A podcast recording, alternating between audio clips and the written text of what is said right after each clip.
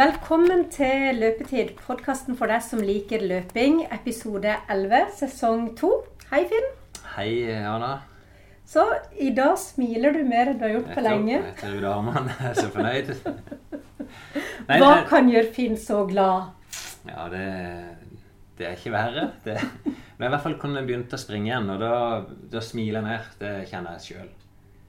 Det er nok ikke sånn hvis jeg mister en dag og to med trening, men når jeg mister fem uker Og det er tungt. Jeg har jo ikke løpt Jeg har gjort noe småtteri siden Holmenkollstafetten, men det har gått i hvert fall fem, fem og en halv uke. Uh, og nå har jeg hatt to dager på rad uten å kjenne det. Og da erklærer jeg meg sjøl friskmeldt. Og da ser jeg lyset, jeg ser framover.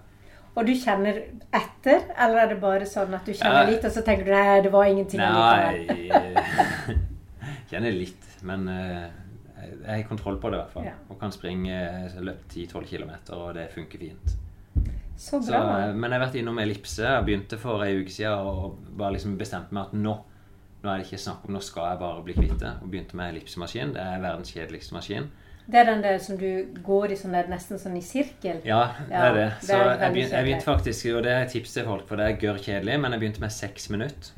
Det høres fryktelig lite ut, men det, det kjentes lenge ut i starten. Eh, så gjorde jeg 10 minutter, og så gjorde jeg 20 minutter. Og så begynte jeg med å gjøre 40, der jeg hadde litt intervall. Og så hadde jeg en time til slutt. Og tydeligvis Kanskje det har hjulpet litt, for det, det er sirkulasjon. Og så styrker det muskulaturen litt. Grann. Og så har jeg begynt med noen enkle øvelser. Og da begynte jeg med noen løpeturer på 20 minutter, 30 minutter, 40 minutter.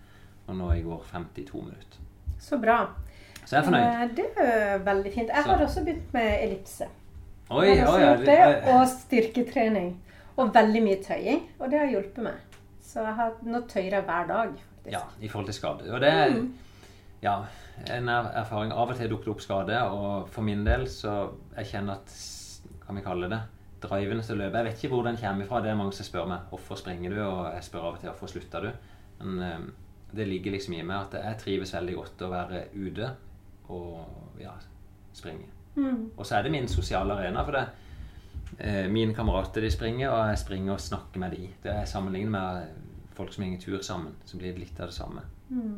Og den mister jeg jo når jeg ikke får løpt. Og det å stå i en kjeller og tråkke på en ellipsemaskin syns jeg er gørrkjedelig.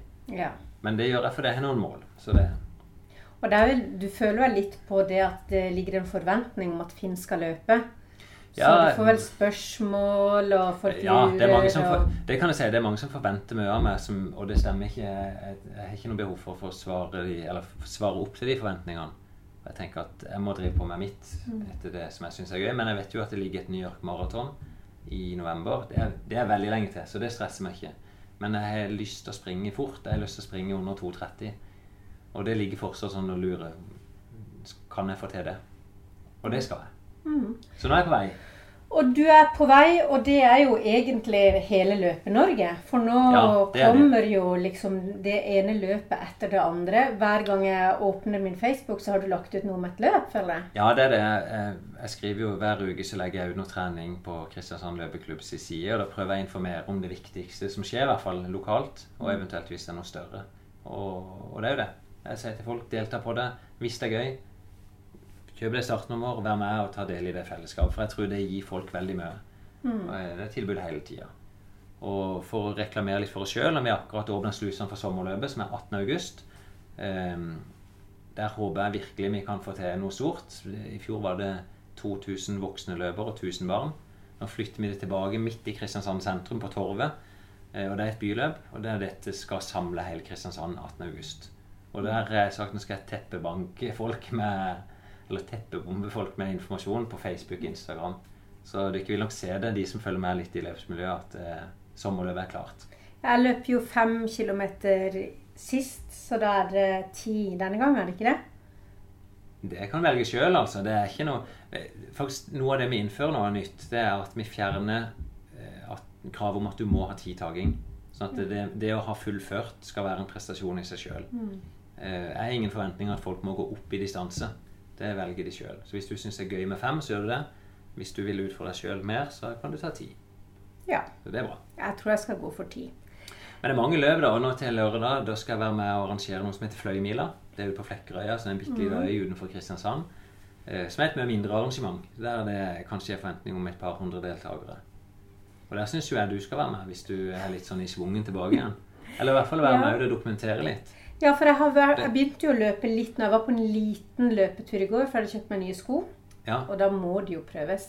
Det... Ja, du hadde med de. Du tok de ikke med opp her, men eh, du kan fortelle litt om det. For, ja. for du har jo vært plaga med akilles og har gjort noen grep nå for å bli kvitt det. Og du sa tøying og styrketrening og sånt. Supert. Og ellipse for å få sirkulasjon. Mm. Og så gjorde du med sko. Ja, jeg kontakta eh, Charlotte på løpelabbet. For jeg, jeg, begynte å bli sånn temmelig lei av å gå rundt. At jeg, stoppa å løpe pga. smerte og ikke pga. at jeg var sliten. Det var mm. egentlig det som irriterte meg. Ja. Og så var hun veldig ærlig og sa at det fins jo ingen magiske sko. Husk at jeg er butikkdame, og jeg kan ikke på en måte selge deg noe som vil gjøre deg frisk. Så hun var veldig ærlig. Men du kan komme ned og prøve, og så kan vi se hva, hva vi har. Ja. Og det vi fant ut av da, det var at eh, jeg skulle ha noen sko som ikke pressa så mye på akilles eller på mm. hælen. Og det føltes veldig godt. Så de er lave på hælen, og så har de en dropp på åtte. Så de er litt høye. Ja, og dropp det er jo, det er jo alle sånne motord. Ja. Og dropp har jo vært det siste noen årene da, innenfor ja. sportsbransjen. Dropp betyr hvor mange millimeter eh, hælen er bygd opp da, i forhold til å være helt flat. Så det er 8 millimeter, da er 8 millimeter høyere hæl enn det er foran. Og det hun forklarte, at det er fortsatt innenfor det de kaller for lavdroppsko, da. Men det er helt i Og det sa hun at var egentlig for å gjøre De anbefaler jo ikke det, eh, for da får du ikke så mye strekk på akillesen som du egentlig bør ha. Men i en sånn overgangsperiode nå som det gjør litt vondt, så var det en grei ting. Og så er de breie foran, for jeg har jo slitt litt med at tærne mine sovner inni skoen. Så ikke magisk, Nei. men uh, vi prøver. Noen, ja, gjort noen bevisste valg, mm. og så ser du hvordan det funker. Si, akkurat akilles er det jo Hva er vondt i akilles? Det kan være så mange ting, og vi snakker om det før. Det kan være Hvis det er en rift og avrivning, så, så hjelper jo de tiltakene ingenting. Eh, men hvis det er det at eh, akillesen har vært utsatt for trykk, så vil dette hjelpe. Mm. Og noen Hvis du, skal, hvis du har dine vanlige løpesko og du oppfatter at de trykker, så kan du gjøre noe grep sjøl med å ta en kniv og så skjære i hælen. Eh, ikke nødvendigvis bare ett snitt rett bak, men heller to snitt på hver side av hælen, hvis du skjønner det. Ja. Sånn at hele hælen blir myk. Mm. Det kan være nok til at du får mindre trykk. Ja. Og noen velger å skjære av toppen av hælen. Okay. Eh, for å slippe å få trykk opp i akilles. Det kan man bare prøve ut sjøl. I hvert fall hvis du har noen gamle sko, så er det istedenfor å mm. kjøpe nytt. Ja. Men jeg håper det blir bra. Men det du sier, da du, er, du har lyst til å være med og, og springe, så er det supert. Mm. Eh, jeg er jo borte i arrangement hele tida. Du utfordrer meg litt på å ta med opptakeren. Og jeg har ofte opptakeren med. Men det er så vanskelig å være arrangør og leder av et arrangement samtidig som jeg skal være liksom en form for journalist og begynne å snakke med folk. Mm. Så Senest forrige helg så arrangerte vi noe som heter Senterbarneløpet på Sørlandssenteret. Og hadde ja, 300 barn som sprang. Det har vært kjempegøy å dokumentere og gi litt av den der stemninga derfra. Men da lå den bare på sida av meg som jeg var spiker og arrangør. Mm. Så ta ja, gjerne turen til Fløymila, så skal vi prøve å fange stemninga der. Det hadde vært veldig gøy. Mm. Uh, og det er jo det også med, med terrengkarusellen som fortsatt går hver torsdag her. Og du ser jo at folk er ute og løper i omtrent i både i sentrum, i skogen. Uansett hvor du snur deg, så er det folk som er på løpetur. Jeg vet ikke om det er at jeg har fått mer greie Eller at jeg ser de mer nå enn det jeg gjorde før. Eller om det er flere som har begynt å løpe. Nei, det er flere. Det. For jeg springer jo alltid jeg har gjort det i mange år. Og det er jo på den tida folk strømmer ut. Mm. Så inspirere hverandre. Jeg syns det er lurt å springe sammen med noen. Eh, og så gjøre det på sitt, sin måte. Det er jo det viktigste. Mm. Men du, ja. eh, Finn. Eh, det var eh, Jeg er jo ikke Jeg leser jo ikke så mye løpenyheter og sånn, men jeg hadde så lyst til å det var, eh, Jeg viste deg et klipp av ei som eh, vant eh, et ultraløp i Tenerife. Ja. Det er et ultraløp som heter skal jeg se om jeg kan finne ut hva det heter. Uh, uh, Cajamar Tenerife Blue Trail, og det er 102 km, og det er 3500 høydemeter. Hva forteller det deg? At det er ekstremt. Det er ganske ekstremt. Det er, nummer én det er ultra, og det er ekstremt. Du skal veldig mye opp, og du skal veldig mye ned. Det er faktisk sånn De beskriver jo at det tøffeste ofte på disse ultraløperne er jo utfor bakkene. Og når du løper alle de meterne opp, så må du nødvendigvis ned. Ja, ja, ja. Du skal jo løpe ultra snart, du også. Eh, jeg, jeg, vet, jeg, kjenner ikke til dette løpet, så når du ser at hun vant, så vet ikke jeg om hun var den eneste. Så jeg så det var ei dame som hun sprang i kjole, og hun sprang på noen sandaler. Eh, og dette så veldig sånn inspirert ut av dette, hvis folk har lest Born to Run den boka så beskriver disse Er det Tamaharu? Ja, eh, eller Tarahumara. Ja, du mm. kan sikkert det på dialekt, for det er vel fra din verdensdel, dette. Men, ja, det er jo fra Mexico, dette. Men det så veldig sånn romantisert ut. Hun sprang i denne kjolen og, og blomstret. Så eh, hun så veldig alvorlig ut, disse så. Ja, for det er men, det som finner Eller hun her, hun vant ikke løpet, hun kom på tredjeplass, men ja, hun har ja. best tid blant kvinnene. Ja. Eh, og hun heter Lorena Ramires, og hun er Tarahumara, da. Og hun er det? Ja. ja. Stemmer. Så, og hun er noen og 20 år og eh, har eh, løpt hele livet. De er jo disse her mm. løpefolket. Men det som er morsomt da, ved siden av at hun vant dette, det er at hun er med i en musikkvideo til en uh, uruguaysk artist som heter Jorge Drexler. For han har filma henne i denne kjolen og sånn badesandaler. Plastsandaler. Jeg føler vi beveger oss i helt, helt feil retning i denne podkasten. Men, det, men det som er morsomt, da filmmusikk. Ja, ja. Han vant Oscar for beste filmmusikk, faktisk. For ja. motorsykkeldagbøkene. Men eh, hun har jo ikke riktig løpesko. Hun har ikke splitshorts.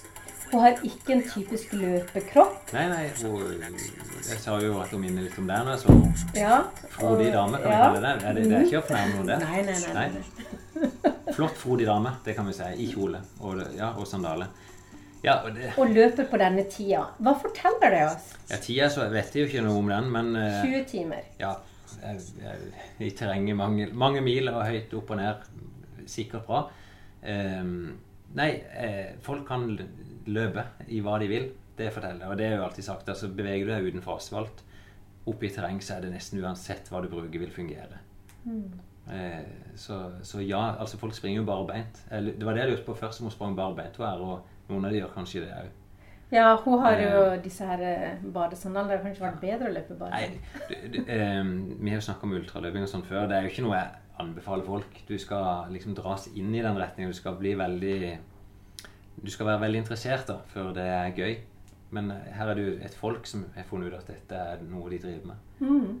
Så det er vakkert å se på, så folk må undersøke det opp. Ja, musikkferien heter Movimiento. Jeg tenker jo liksom helt realistisk at ikke begynn å springe rundt i sandaler og kjole på løpetur. Finn det heller noe som er behagelig å ha på seg. Det er nok mitt råd. Du prøvde jo i hvert fall kjole på sist sommer. Ja, det stemmer. Det gjorde jeg. Eh, det, det, er ikke vondt å springe, det var det ikke. Det, det er sært, det er det. Det så ganske sært ut. men det funker faktisk. Så, så hvis en føler at det er det som er hinderet utstyr, så kan en bruke kjole. Men eh, jeg ville valgt noe mer behagelig. Det ville jeg. Eh, og i dag så har vi jo eh, Vi har jo snakka med to stykker ja. i, eh, som vi skal ha med i den episoden. Og det er jo på en måte du har tatt meg med på en reise, liksom, fra den ene ekstremiteten til den ja, ja. andre på liksom sånn veldig kort tid. Hvem er det vi, vi har snakka med i dag? Nei, Vi skal møte Joakim Hansen. Det er jo min kompanjong her på jobb, som slutter nå i morgen. Han eh, har tatt reisen fra mosjonsløper inn til å bli Jeg skal ikke kalle det eliteløper, men i hvert fall barneløper. Satt seg ekstreme mål i en alder av 32. Eh, og står på startstreken på Tyrvinglegene i morgen med piggsko og splitshorts. Nei, ikke splitshorts, han skal i speedsuit. Og han skal dere høre fortelle litt etterpå. Og så skal vi møte Kalle Glomsaker, som er min kan vi kalle barndomshelt som løper. Eh, en legende her på Sørlandet. Sitter i forbundsstyret eh, og har løpt uendelig mange maraton, sånn for de aller fleste. Så egentlig så kan vi bare ta med oss lytterne på en reise inn i Joakim og Kalle sin løpverden. Og mens dere er på det, så stikker jeg og spiser lunsj med Joakim. Ja. Så ses vi i neste episode, og der skal vi ha noen fine innslag, bl.a. fra Fløymila. Prøve å dra dere inn i et sånn type lavterskel mosjonsarrangement på Flekkerøya. Ja, Finn, i dag har vi fått gjevt besøk i studioet vårt. Det er gjevt besøk. Det er ja. eldste mannen vi har hatt med i podkasten.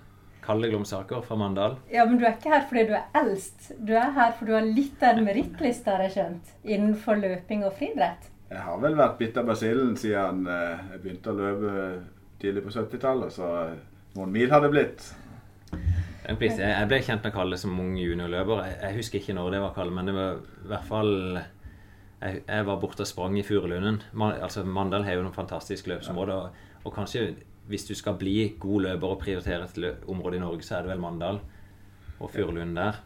Ja, vi har jo alltid hatt et uh, Vi har hatt trening jevnt og trutt der siden uh, tidlig på 70-tallet. Og mandag, onsdag, fredag klokka fem har vært fast siden 73. Så det er alltid folk som løper i Furulund. Men jeg tror du var på kretslaget når jeg var kretstrener i, på, ja, ja. på, den tida. Du og Tormod Tjørnholm fra Kvinesdal, en habil løper derifra. Så det var vel sånn uh, egentlig. Så jeg var trener for det i gang i tida. Det stemmer det. Da er jeg vel 13-14 år, kan jeg tenke meg. noe sånt. Ja. Så, men, men Kalle har jo vært mister friidrett, og mis, særlig mister løpet da, her på Agder siden ja, midten av 70-tallet sikkert. Jeg overtok ansvaret som distriktskontakt for det heter Maratonklubben i den tida, i august i 1977 etter Jan Johansen. Så jeg har vært ansvarlig for løpene i Mandal i litt over 40 år. Mm. Ja, for, og før historikken skal vi si at det er Kalle sitter i forbundsstyret nå, altså i Norsk Friidrettsforbund.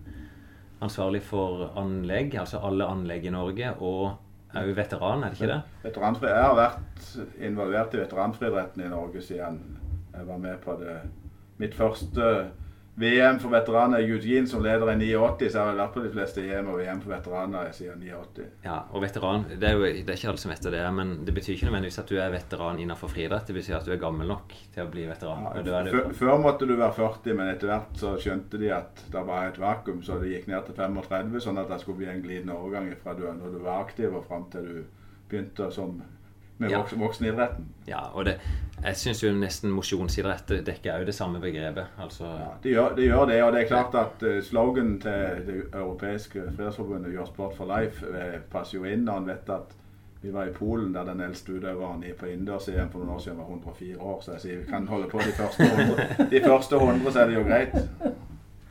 Men du har jo ved siden av å arrangere mye, så har du løpt mye eh, maraton opp igjennom, har jeg hørt. Ja, jeg, jeg sover jo gjennom et par maraton i år og fortsatte med 30 kg for feit. Men eh, jeg har løpt 90 maratoner for 30 år og 30 kg siden. Så 90 maraton, ja. løpet, løpet på 2.37,34, og det tok mange år før Finn fikk skoene. Ja. For jeg har hatt en tradisjon hvor alle har vært trener for å få sko når de tar persene mine. Så det var bare to-tre år siden han klarte det i, i, i Barcelona. Så Stemmer det det satt langt inne. Det var, og det var faktisk Jeg persa og sprang på 2,35. Ja. Og det var jo det eneste som lå i hodet mitt. Det var å klare å komme, for, komme under 2,37. Men du kan jeg spørre om en ting. Når du har løpt så mange maraton, eh, blir det da som en eh, løpetur for deg å skulle når du står på startstreken? Eller får du fortsatt sånn kribling i magen og eh, spenning i kroppen? Den gode følelsen når du hører henge helikoptrene henger. Jeg løper bare to maraton i året. Det er Hamburg og Berlin, så jeg liker å løpe i sånn uh, massemønstring der det er mellom 20 og 45 000.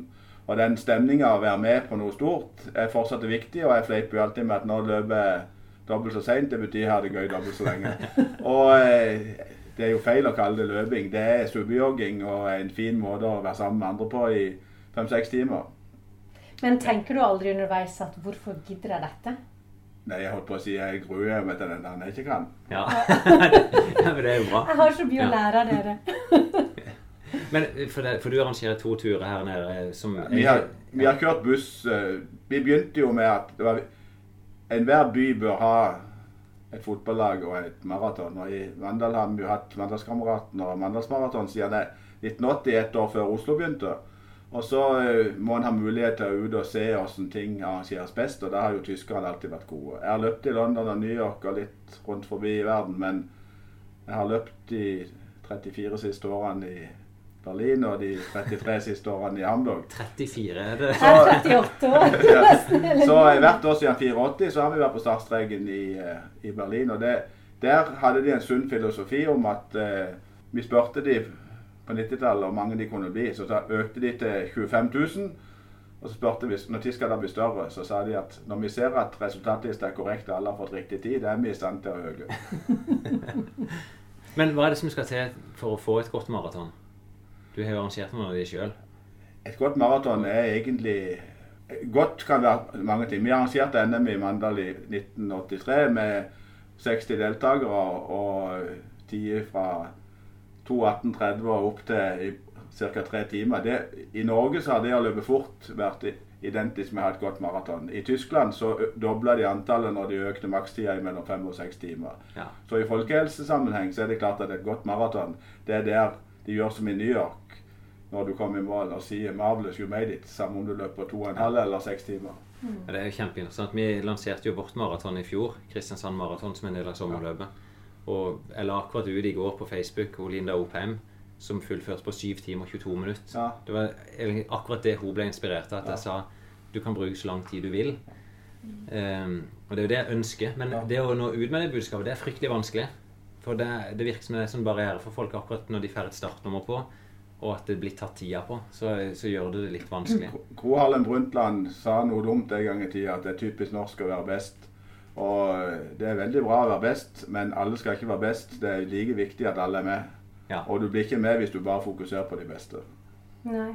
Men jeg tenker jo det som er barriere. Maraton virker jo som om det er liksom så noe Det står så høyt da hos folk. Det er liksom noe vel Du må planlegge. Du må trene deg opp til det, Man har et bilde for meg, da, så virker det som det, det, er så mye som skal til for å komme til den startstreken. Før Kalle svarer på det, så når, når, du møtte Kalle, så han ut som en typisk maratonløper for deg? Nei.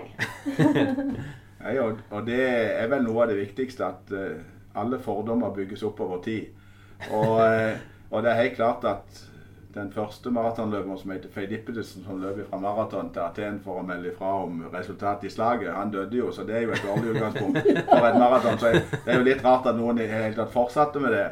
Men eh, i og med at på en måte det, det, ble det lengste løpet som var med i OL, så ble det jo et statusløp på den måten at eh, det var noe å strekke seg mot. Og så etter hvert, akkurat som folk husker 60-meteren sin, da lengdehopp og sånn fra skolegården så er det blitt at det er noen milepæler i livet. I Mandal fleiper vi ofte med at det finnes to satt folk i verden. Det er de som har løpt maraton, og de som ikke har. Og fortsatt er vi jo i mindretall. Men heldigvis så blir det flere og flere som ser på det som et personlig mål.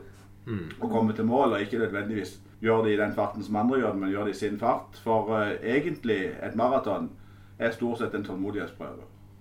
Ja. Alle kan løpe i riktig fart hvis du bare orker å gjøre det 42 km etter hverandre. Ja. Mm. Og det er når du ser at det krever mye forberedelse, så er det ikke så mye trening du gjør, Kalle, lenger? Nei, altså, jeg, jeg er jo med på treningene mandag, onsdag, fredag klokka fem, men jeg har jo svært få kilometer i forhold til løp til 12 mil i uka. Men det ser en jo på resultatet. Men, men hvordan gjennomfører du Du snakker om et subbeløp når du springer maraton, og du bruker ca. seks timer. Hvordan legger du opp? Er det, jeg er nokså god i klokka, sånn at det, det, er jo om å gjøre å legge ut på den rette farten. For får du begynt for fort, så får du problem tidlig, og da går du inn til kanten. Så det, det, er som skilpadder og haren at det, det, er det rolige, jevne som drar. Ja. Men det er veldig spennende, for det, det jeg hører hos deg, det er at man du, du trekker på erfaringer. At du har såpass, løpt såpass mye før at nå kan du på en måte dra deg gjennom med den kunnskapen kroppen din har om hvordan du skal løpe gjennom. Som i andre idretter, da, at du trenger ikke å trene så mye, du trenger ikke å holde det så ved like. Men kroppen din eh, I utgangspunktet så er en jo mentalt forberedt. For maraton er jo 30 km transport og 12 km løp, ble det ofte ja. sagt. Og et eller annet tidspunkt så kan møte den berømte veggen. Noen mm. ganger får han på 35, og noen ganger får han på 40. Men når kroppen er tom, så er det ingenting som virker. Da kan du bli sånn apatisk. Ofte når du løper varme steder, så går kroppen tom for væske, og da fungerer ingenting. Mm. Så det er kunsten å fylle på underveis, ikke presse kroppen for hardt. Det, det er lytte til kroppens signaler og subbe på det jevne. Og det er klart, er du overivrig og fokusert på ei tid og skal følge med på klokka, du skal holde farten, det er de som går i bakken. Ja. Har du noen gang brutt? I, uh, vi har et, nei, vi har et veldig hardt uh, regime i Mandal der. nei. det i løpere fra Mandal som løper i utlandet, det er eneste grunnen til å bryte det hvis du blir båret i mål uten å vite om det. Ja, det, det er et greit utgangspunkt. Men det er noe med det å, å være forberedt på det du skal gjennom, og, ja. og være villig til å ha det vondt.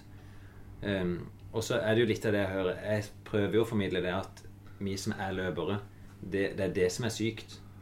Mm. Vi har altfor høye mål. Det er ikke nødvendigvis alltid gøy å springe maraton for oss. For det er som kalles da springer vi på klokka. og du, du er helt inne i din egen boble. Men jeg tror du nyter disse løpene veldig mye mer enn de fleste. Ja, jeg pleier å si det at uh, jeg skal ikke løpe fortere enn at jeg kan uh, nyte middagen etterpå og være sendt av kjørebussen kjøre bussen hjem. Ja.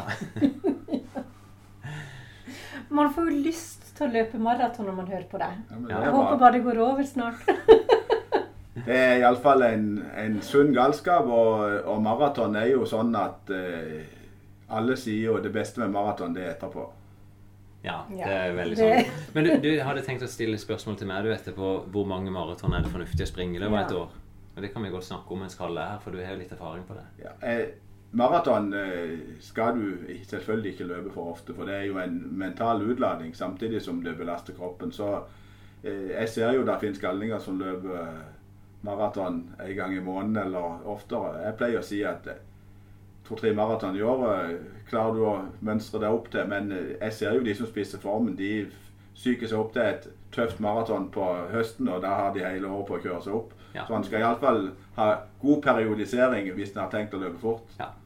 Men det, jeg tenker jo Kalle er et godt eksempel. Du har hatt to maraton i ja. året de siste 34-33 ja, ja, årene. Jeg, jeg, har løpt maraton. Jeg, jeg, debuterte med vår felles gamle trener Alf Myhre ja.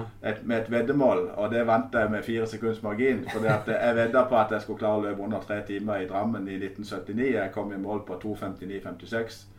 Så ja. jeg debuterte med god margin under tre timer. Hvor var det henne? I Drammen. Det var i Drammen, sa du. ja. De begynte før oss i Mandal, men det var da vi fant ut at vi kan ha maraton i Drammen, så kan vi ha i Mandal. Ja. Men, og det jeg mente med liksom at han faktisk et godt eksempel, er at vi har hatt dine to i året. er det ja, ikke det? Ja, det er det sånn cirka. Eh, da har du hatt et på våren i Hamburg og så et på høsten i Berlin. Og Han trenger jo ikke reise til utlandet for å, for å springe maraton. Kalle er jo eksempel på det at du har de, de med minst terskel eh, arrangementene i, i, Norge, vil jeg sagt. Vi arrangerer jo Vinterkarusellen, ja. som man gjør i Mandal, Søgn og Kristiansand. Og det, jeg vet ikke båndrekorden. Det er kanskje en 10-15 løpere? Vi, vi har elleve arrangement i året. Og eh, når jeg overtok som distriktskontakt for Kondis, eller ja. maratonklubbens kontakt, så var det opprettholde aktivitet som ga interesse for lange løp. Så da, da er det jo å ha lavterskel der folk kan komme sammen og løpe på lørdagen seks ganger om vinteren. Og så har vi noe som heter Haaland seier rundt, som er sesongavslutning. Og vi har uh, Konsmo heller rundt neste søndag, som er har kommet 30-40 stykker på Konsmo. Det har vi holdt på med siden 77. Ja. Det, så det, det, er ikke de store mønstringene, men det er på en måte å stimulere til at det kan være gøy å løpe sammen noen ganger. Ja, Men så er det Mandals maraton, som hvor mange trekker det til sammen? Det er mellom 150 og 200. Det er liksom passet på, på maraton. Men det er på maratondistansen som springer så? Nei, maratondistansen har eh, mellom 40 og 50. og Det ja. passer greit for Tradisjonen i maratonklubben i gamle dager den ble jo stifta i 1962. og Alle årsmøter siden jeg har vært med på siden 77 stort sett. og Da er det bløtkake som er det viktige. Så derfor ja. alle som løper maraton i Vandal, når vi er ferdig, så er det premieutdeling av bløtkake. Veldig fint. Ja, det er vel noe med det. Jeg sier yte, så nyte. Så det, mm. det, passer godt i filosofien her. Men å løpe maraton for å få bløtkaken Det er kanskje å yte litt mye. Jeg, jeg har jo sagt litt eh, I hvert fall hvis folk først skal debutere på maraton, så anbefaler jeg å sette seg, ta en utenlandstur og, og, gjøre noe stort. Mm. Men jeg ser jo mange som reiser til Mandal for å debutere der. Ja. Og du skryter vel på det å heie Norges mest lettløpte løype, gjør du ikke det? Halvmaratonløypa er nok den flateste i Norge, for den har en høydeforskjell på 20 meter. Så det, at, det skal ikke så mm. skal gjøres ganske godt å ha det bedre. Ja, det hørtes bra ut. Og det går vel stort sett samme da som Oslo Maraton, lurer jeg på. Så ja, i, det er en sterk konkurrent etter hvert. Ja, vi er veldig sta på det at uh, vi aldri begynner å forandre på tradisjoner. Så det at uh, vi har hatt løpet vårt uh, nest siste helga i september i alle år. Og til vanlig er det alltid helga før Berlin. I år, I år, måtte Berlin flytte 14 dager fram, så i år blir det helga etter Berlin pga. Ja. at Berlin kunne ikke ha sitt arrangement pga jubileet for murens fall, som skal være i slutten av september. Nettopp. Ja, det er bra. Du, Så hyggelig å ha deg innom, Kalle. Ja, men det var Det er det bare å fortsette. Det I de lange løp er det jo der det går bedre. Ja, ja, det er jo det. Joakim, du har jo vært eh, med på noen episoder før uh, av løpetid. Mm. Men uh, Det hadde jeg helt du... glemt vekk. at du hadde vært her før. Ja, Men jeg, jeg ser han jo hver dag.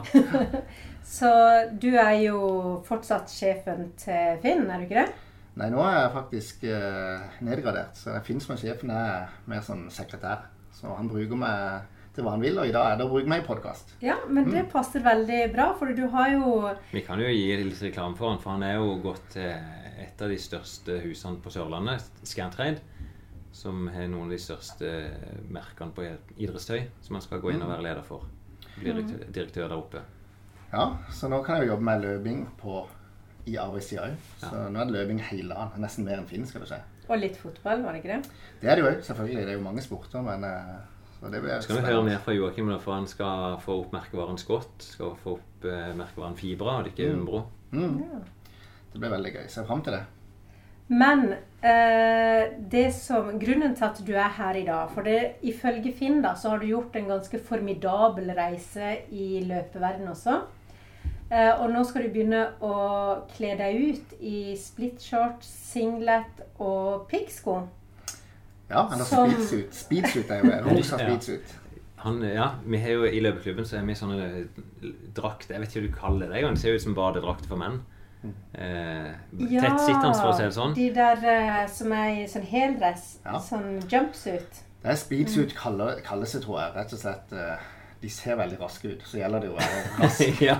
rask inni drakta òg. Og du kan jo si, På Holmenkollstafetten i fjor så sprang jo Joakim første etappen i den, og den er rosa. Og det, det streames jo ut på NRK, og der var Jan Post sin kommentar. Hva var det, Joakim? Han, Jan Post skrev vel eh, Han lo jo litt av bildet og sa at eh, en, et slikt antrekk krever høy fart. Så eh, det, det har visse krav å løpe inn sånn. Du bør være god skal du løpe inn eh, rosa speedsuit. Men, Men, det men, når ja. du trekker den helt der, da For vi kan jo litt, litt tilbake fra der Joakim begynte. Ja, det var det. Jeg ble kjent med, Vi starta jo Kristiansand løpeklubb for eh, nå er det vel fem år siden. Og Joakim kom inn veldig tidlig. Eh, Han hadde sendt mail til meg før eh, og henvendt seg. Han hadde lyst til å bli en bedre løper. Og kom fra en sånn mosjonsgjeng, da, en kameratgjeng som trente sammen. av ja, ikke aktive løpere i det hele tatt. Nei. Deltok på noen sånne lokale eh, mosjonsløp. Eh, Men stoppa opp litt på sånn 10 km tid på det 37 minutter du klarte å komme ned på. 37-12 var liksom persen når jeg tok kontakt med deg, da. Ja. Eh, og så har jeg liksom gått den reisa derfra til i fjor å springe på 32 minutter på en 10 km. Mm. Eh, og som jeg nettopp fortalte til Anna, springer første etappen på Holmenkollstafetten i eliteklassen og veksler foran Petter Northug, eh, som er en av verdens beste skiløpere. Riktignok ikke verdens beste løper, men et, en vanvittig reise ifra å være en vanlig mosjonist. Og dette gjør du jo samtidig som du er, du er leder for en av Sørlandets største bedrifter her, og gjør dette på sida. Og den reisen er litt interessant å, å høre om, hvordan du har klart det. Ja. Nei, det, det som var eh, Jeg begynte jo å løpe ei fast runde i skogen oppe i Sagevann eh, og syntes det var veldig gøy. Eh, Og så tenkte jeg Terreng var noe jeg ble veldig god på, da, for jeg løp jo kun i terreng. Og så tenkte jeg terrengkarusellen der, der er jo løp hvor man kan løpe her. Og så fikk jeg det ærlige svaret når jeg løp. Jeg trodde jeg var god. Og så ja, ble jeg kanskje topp 30. Og det er jo, det er ikke nødvendigvis høyt nivå der, men da hadde jeg satt en mål om å vinne terrengkarusellen. Det var liksom det store. Jeg skulle klare det. Og så så jeg jo til et par år løping at det kunne kanskje bli topp fem, men eh, vanskeligere å he- heve seg. Og så løp jeg den 10 km da på 37 for sommerløpet. Jeg hadde lyst til å bli bedre. Og da tok jeg kontakt med Finn. og Helt perfekt når løpeklubben kom til, hvor det var egentlig lavterskel. Du følte det å melde seg inn i KIF var litt skummelt, det var litt sånn seriøst. Og hvor egentlig premisset var er du glad i å løpe, så er du en av oss. Og det var jeg jo, så da ble jeg med. Og eh, det som var interessant, var jo da jeg begynte å trene med løpeklubben, så økte jeg ikke mengdene særlig. Men med å trene riktig, så på ett år forbedra jeg meg tre minutter. Så jeg løp på 33 på en 10 km i oktober eh, året etterpå. Jeg husker jo den første treninga til Joakim. Han kom på ei fellesøkt, vi hadde lang intervall. Vi sprang tre ganger ti minutter, så det var fire ganger ti minutter. Eh, og av og til, det er ikke veldig ofte, så er vi laktatmåler på trening, og så måler noen av utøverne. Og så er det ganske lett å se noen som pusher hardere, og Joakim var jo en som pusher veldig hardt. Jeg vet ikke om det var iveren etter å vise seg fram. Det har Men- sikkert det. Ja, men i hvert fall så prøvde jeg å kommentere det, og han hevda jo selvfølgelig til meg at han springer, det var definitivt ikke for hardt. Så spurte jeg om å få lov å måle han, og det er den høyeste målinga jeg noensinne har hatt på trening i laktater. 14,7 kalte du meg jo igjen. Ja. ja. Sånn, når han ligger rundt anaerob terskel, så er han rundt 3,5 i laktat, og Joakim hadde 14,7 da på ei sånn type økt.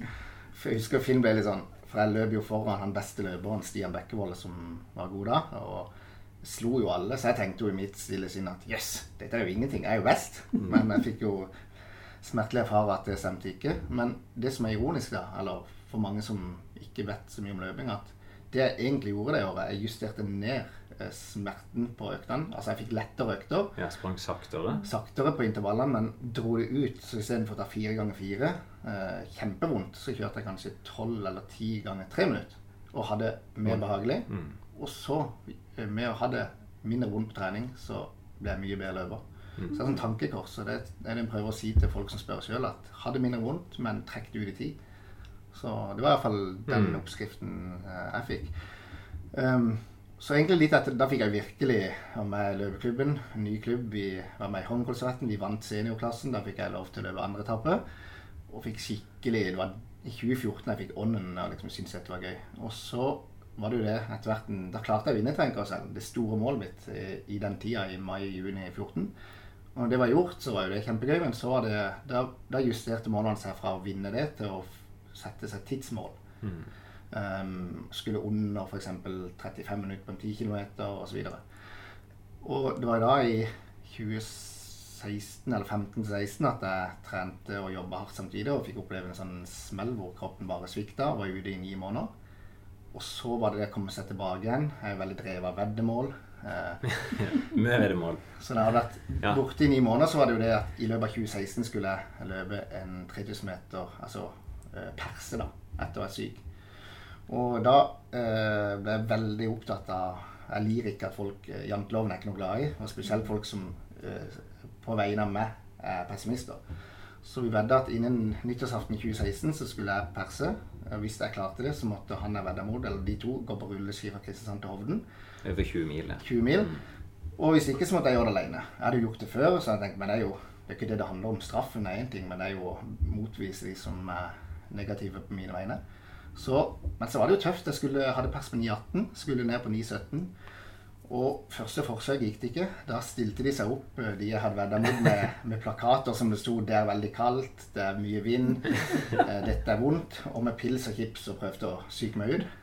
Så da brøy det halvveis. Jeg merka at jeg hadde ikke noe inne. og det var is på stadion? Det var, is. Så hadde du piggsko, så det hjalp jo, da. Mm. Men da, 6. desember på, Det er ikke så ofte folk løper på en bane eh, i desember, men det gjorde jeg. Da hadde jeg fått en hare, en Ole Kristian Heggheim, som skulle klokke meg rundt. Og da hadde jeg bare bestemt meg. Nå skulle jeg pisse på dem. Mm. Så eh, da gikk det på 9-12, så da klarte jeg det da i desember. Oi, oi, oi, oi. Og det var veldig gøy. Da var det å gi litt fingeren at eh, det ser der. Eh, ikke vedd mot meg. Og så var det i 2017 at jeg satte meg ganske hårete mål. Tre stykker. det var tre, 10 000 meter under 33. Jeg skulle 3000 meter under 9 minutter og 800 meter, som er liksom under to minutter. Det er en litt sånn episk grense. Ja. Um, så 3000 meter klarte jeg i juni. Um, og så 10 000-meteren klarte jeg i september. Uh, da var det med og Finn. Vi løp sammen og hjalp hverandre hele veien. Og begge kom under, så det var jo mm. dritgøy. 32,54 var det? 32,53. 53, ja. Men så var denne 800 meter-historien litt gøy, da. For jeg tenkte at greit, skal vi se hvordan det ligger an. Så var det et stevne, et Grand Prix-stevne på stadion i Kristiansand mm. i uh, tidlig juni. Hvor jeg løp og kom inn på 2.00,37. Så tenkte jeg hallo, det er bare ett steg. Neste gang tar jeg det jo.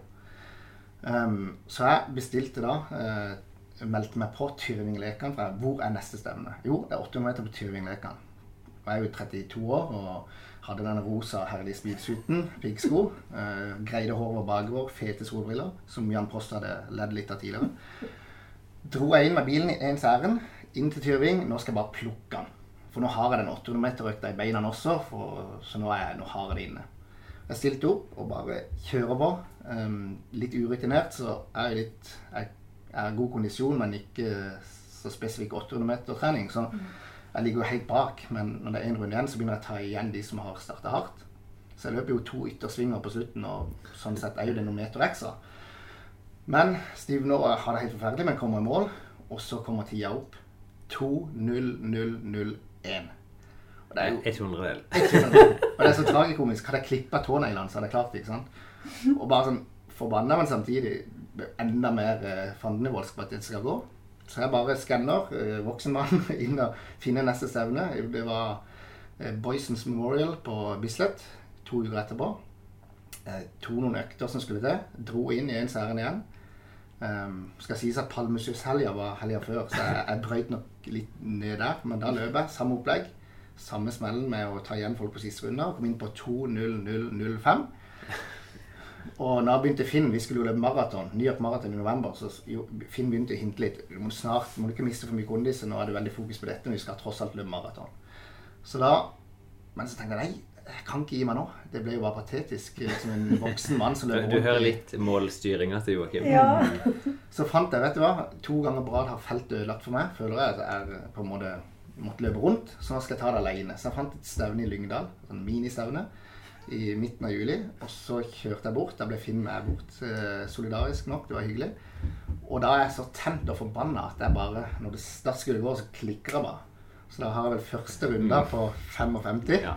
Vi hadde peppa det opp, litt for høyt opp i forhold, ja. i forkant.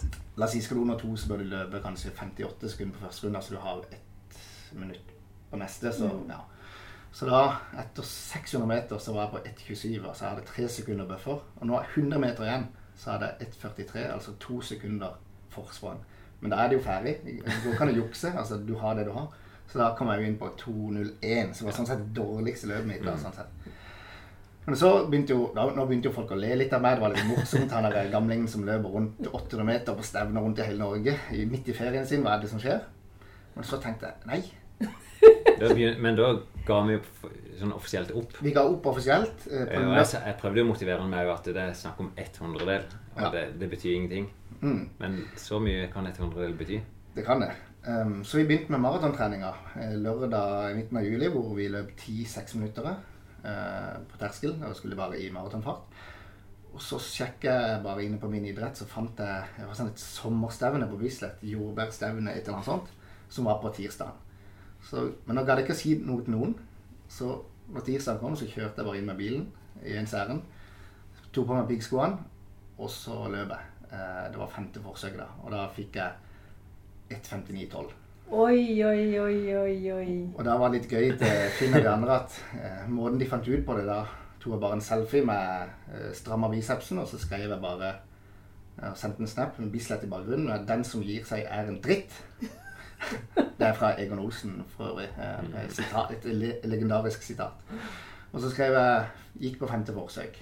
Altså mm. Og da gikk det to sekunder, så ringte Finn. er det jo kjempegøy. Men sånn, det er det å, å, jobbe for et mål og klare mm. det. Og så er det jo veldig rart, men for meg, så jeg oppsummerer i fjor, så var jo det det gøyeste jeg gjorde. Altså, eller den, når du først Hvis du klarer målet med en gang, det er jo tilfredsstillende, men det å når du sitter så langt inne at du snakker hundredeler, så er det veldig gøy når det går. Mm. Så, så tenker jeg Det kan jo høres ekstremt ut for folk, men det er jo det er et bra nivå, men det er jo ikke noe toppnivå. Det er jo ikke sånn at du satser mot å bli best i Norge. Men, nei, nei, nei. men en har bare satt seg et tak. At mm. disse målene var viktige for Joakim, og, og han har jobba for det og klart det. Mm. Og den gleden, særlig det som er vanskeligere nå, det er jo det som gleder mest. Det er jo det det Ja, det er bare så ikke det misforstås. Det er klart, man er jo langt bak eh, både nasjonalt og nivå og sånt, men for meg så er det jo, som Finn sier, disse her målene man setter seg. Og får man litt motstand fra andre, og folk eh, syns det er enten for ambisiøst eller rart, så, så, så, trigger det bare meg. Det er jo sånn som trener, det er jo, det er jo dette som er gøy. Altså Uansett nivå. Det er at du jobber mot noe, og så klarer du det. Mm. Eller nesten klarer det. Men klarer du da, når du da har nådd det målet, mm. eh, hvor lenge nyter du det før det kommer et nytt mål i huet på deg? Jeg nyter den jo ganske lenge, spesielt den som satt lengst inne. han han forteller jo om det ennå. Ja, ja. Og det er ikke bare her han forteller om. Nei, nei det, det var, for det er jo sånn gøy historie. Men uh, i fjor ble det litt spesiell sesong, for da kjørte jeg jo sjeldent brei. Jeg hadde jo 800 meter, 3000, 10 000, halvmaraton per seg. Og så debuterte jeg på maraton i New York. Mm. Så man tok jo alle distansene. Uh, så derfor, når året var ferdig, så naturlig nok, etter året i New York, så ble jeg litt tom. Litt sånn hva, altså, jeg må, Hvis ikke jeg har et mål, så, blir jeg, så dropper jeg løpet. Løping er mm. egentlig først og fremst opptatt av mål og de tingene der. Eller det utfordrer seg sjøl. Så det tok litt tid før jeg satte målene for denne sesongen. Um, hadde et par måneder fri, og så hadde jeg bestilt tur til Portugal, treningsleir, for å prøve å finne, først og fremst for å finne inspirasjon til å sette seg nye mål. Mm. Og hadde definert skal jeg sette et mål for i år, så skal jeg klare NM-kravet på 10 km. 31,59. Og um, ikke, jeg sa jeg har, jeg har, satt meg målet, men jeg, det er forskjell på å sette seg mål og gå for det. For da må du ta konsekvensene. Og etter eh, Portugal så kjente jeg at eh, jo, nå har jeg funnet lysten igjen. Og så sa nå går jeg for det. Så det er det målet jeg har satt meg i år. 31,59. Og så har jeg lyst til å prøve en ny distanse. Eh, Ingebrigtsen-gutta har jo 1500 meter, det har jeg aldri prøvd. Mm. Så der har jeg lyst til å brekke den magiske, naturligvis magiske grensa på fire minutter. Altså 3,59. Det er nok kanskje det mest ambisiøse målet sånn egentlig, men kanskje distansen passer meg bra. Finner har sagt mm. det kan godt være at det er der. Eh, for jeg er litt, litt sånn anarobe egenskaper. Kanskje det passer bra med kondis og det, da. Så vi får se. Vi får se. Og det er ikke lenge før du brekker inn i målgruppa til Kalle Glomsaker. Veteran. Veteran, ja. Det blir ja. gøy. Det, det liksom, må bli 35 år først. 35, ja. Så det er neste år. Men jeg, jeg tenker, Nå skal jo Joakim stå på Tvirvinglegene, så det er liksom å gå fra mosjonsløp og så inn helt ned i baneløp. Og vi hører kanskje litt hvorfor dette skjer, for du er så mm. målstyrt at mm. da må du til slutt inn i, i piggskoene. Ja, det og, det, og du, det er jo det mest ultimate målbare idretten du kan ha. Det er veldig ærlig eh, Det var ikke Anders Aukland som sa det en gang, at du får ikke en mer ærlig duell enn eh, to menn med et par sko ei runde på stadion. Ja, eller i hvert fall litt, eh, en distanse. Ja. Problemet er jo at du òg måler deg mot alle andre som har løpt gjennom tidene. Mm. Men hvilken distanse er det nå? Når du har jo så mange å velge mellom. Hva er det du går for? 10 000 og 1500 i år, men nå har det dukka opp den, de Tyrvinglegene eh, ja. som jeg skal inn på i morgen. Og da, i fjor kom jeg under 9, så jeg tenkte om du er 9,54 eller 9, Nei, 8,54 eller 8,40, det er liksom mm. ikke så viktig. Men nå har vi en liten gjeng fra Kristiansand sagt 8,45. Så i morgen er det det jeg styrer mot. Og blir det 8,49, så er jeg jo veldig godt fornøyd, fornøyd da òg. Men eh, det blir sånn Det er det jeg sikter mot. da. Det som er litt gøy med Joakim, at han, han, er veldig sånn, ikke sånn målstyrt. Og da er han rett på hva man gjør for å klare det. Og det er litt gøy, Da setter vi opp noen økter. Så du må gjøre den økta.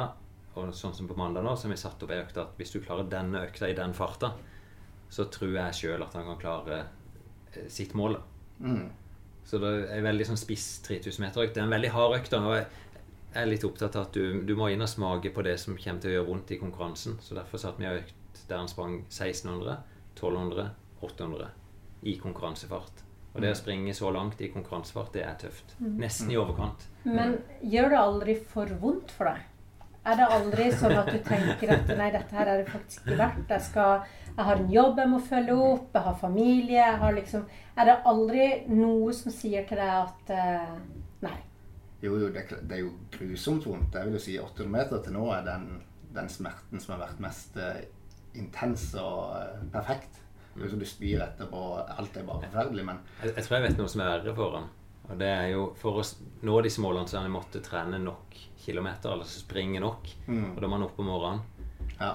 Og, ja, men det å klare å karre seg opp, det tror jeg nok er det, det du oppfatter som det tyngste. Det koster mye. Jeg er jo B-menneske, og det å opp eh, halv syv og løpe før jobb, det, det er jo det som sånn i hverdagen koster mest. Mm. Men konkurransen i seg sjøl sett, smerten er jo ikke så langvarig. Men, Nei, for det takler du veldig fint. Ja, det er, jeg tror jeg er god til å presse meg sånn i konkurranse. Du, Før vi slipper deg, Joakim, mm. så jeg syns det er gøy å høre Du sprang første etappen på Holmenkollservetten mm. og møtte Du er et stort forbilde. Det største er Petter Northug. Det er Petter, ja. Og jeg vet ikke hvor mange ganger vi sjøl har sett eh, innspurten på femmila i Falun, og du har sikkert sett de fleste løvene han har gått. Jeg kan bare si en digresjon. Siste kvarteret av femmila i Falun kan jeg liksom nesten gjenta Jan Post sine kommentarer hele veien. Så den har jeg sett uh, nok. Men eh, 7. mai var det. 6. mai så sto vi på Sarpsregen på Holmenkollservetten. Eh, der fikk jeg min strekk. Eh, du mm. sto i speedsuit side om side med Petter Northug. Kan ikke du beskrive en, mm. din duell med Petter Northug? Ja, jeg sa jo Jeg løp første etappen i fjor òg, og det gikk veldig bra. Og så i år så var det egentlig eh, da sånn for å sette seg et mål Ja, selvfølgelig den og den tida, men det var et lureløp også, så det gikk litt seint i starten. Og så var det greit. Petter Northug, jeg skal slå han. Det var kult. I, fjor slo han jo forskjellige heat, og så var det mann mot mann, da. I mitt hue. Ikke han han vet jo ikke hvem jeg er. Og så, eh, Det er sikkert han vant til, at det er mange som setter seg det målet. Men da begynte vi, og det var et lureløp, så jeg um, i et par sekunder så var løpeklubben faktisk i tet i Holmenkollserretten. Det var etter 400 meter når det gikk seint, så tenkte jeg dette ble for seint, så jeg løp bare opp i front. Mm. Han spikeren var litt overraska. Kristiansand løpeklubb i tet, mm. ja. Men så gikk jo løpet, så økte farta, og så når det er 200 meter igjen, så hører jeg sånn godstog bak meg. Pustende, pesende og masse lyd. Og så plutselig kommer svære dyret opp på sida og brøyder seg fram. Eh, og jeg ble litt forbanna for det. Eller han, jeg mener han var litt ufin, men det, det er sikkert sånn det skal være. Og så hang jeg meg på, og så tenkte jeg nå, eh, nå gjelder det. På siste 200. Så økte jeg farta, eh, gikk opp på sida, men han svarte jo. Han er jo helt rå i spurt. Og så er eh, ligger han bak han helt fram til vi skal inn på gressmatta på Bislett. Så um, skjærer han inn til venstre, og jeg bare skjærer litt slakere ut for å opprettholde farta. Og så var det tre tideler jeg slo han med. Det var, det, det, det var stort. Ja. Du slo han? Ja. Gjorde det. Skal jo sies som Finn at uh, han, eh, det er jo litt forskjellige egenskaper, og han er jo spesifikk på langrenn og er spesifikk på løping. Så. Men uh, følelsen av å ha gjort det, det var, det var kult. Uh, små barn, store gleder. Ja. Det gjelder å finne gleden der han er, på sitt nivå. Det er jo det. Det er mange som sikkert har mål om oss. Ikke sant? Her i Kristiansand så er det sånn Uten at Finn vet det, så er det noen som har et mål om å slå Finn. ikke sant? Han vet ikke, men det er, eller, ikke sant? Det er jo sånn det er på hvert nivå. Er sånn en, en måler seg opp mot hverandre. Ja, ja. Det er kult. Det er bra. Du må ja. i hvert fall ha god tur inn. Han er sin siste arbeidsdag i morgen her i Fundament. Så. Ja, Som drar klokka tre for å rekke innmeldinga klokka halv åtte. Mm. Så får vi se. Det blir gøy. Lykke til, i hvert fall. Det er, gøy. Ja, det er veldig gøy å ha det med, i hvert fall. Likeså. Vi høres. Ja.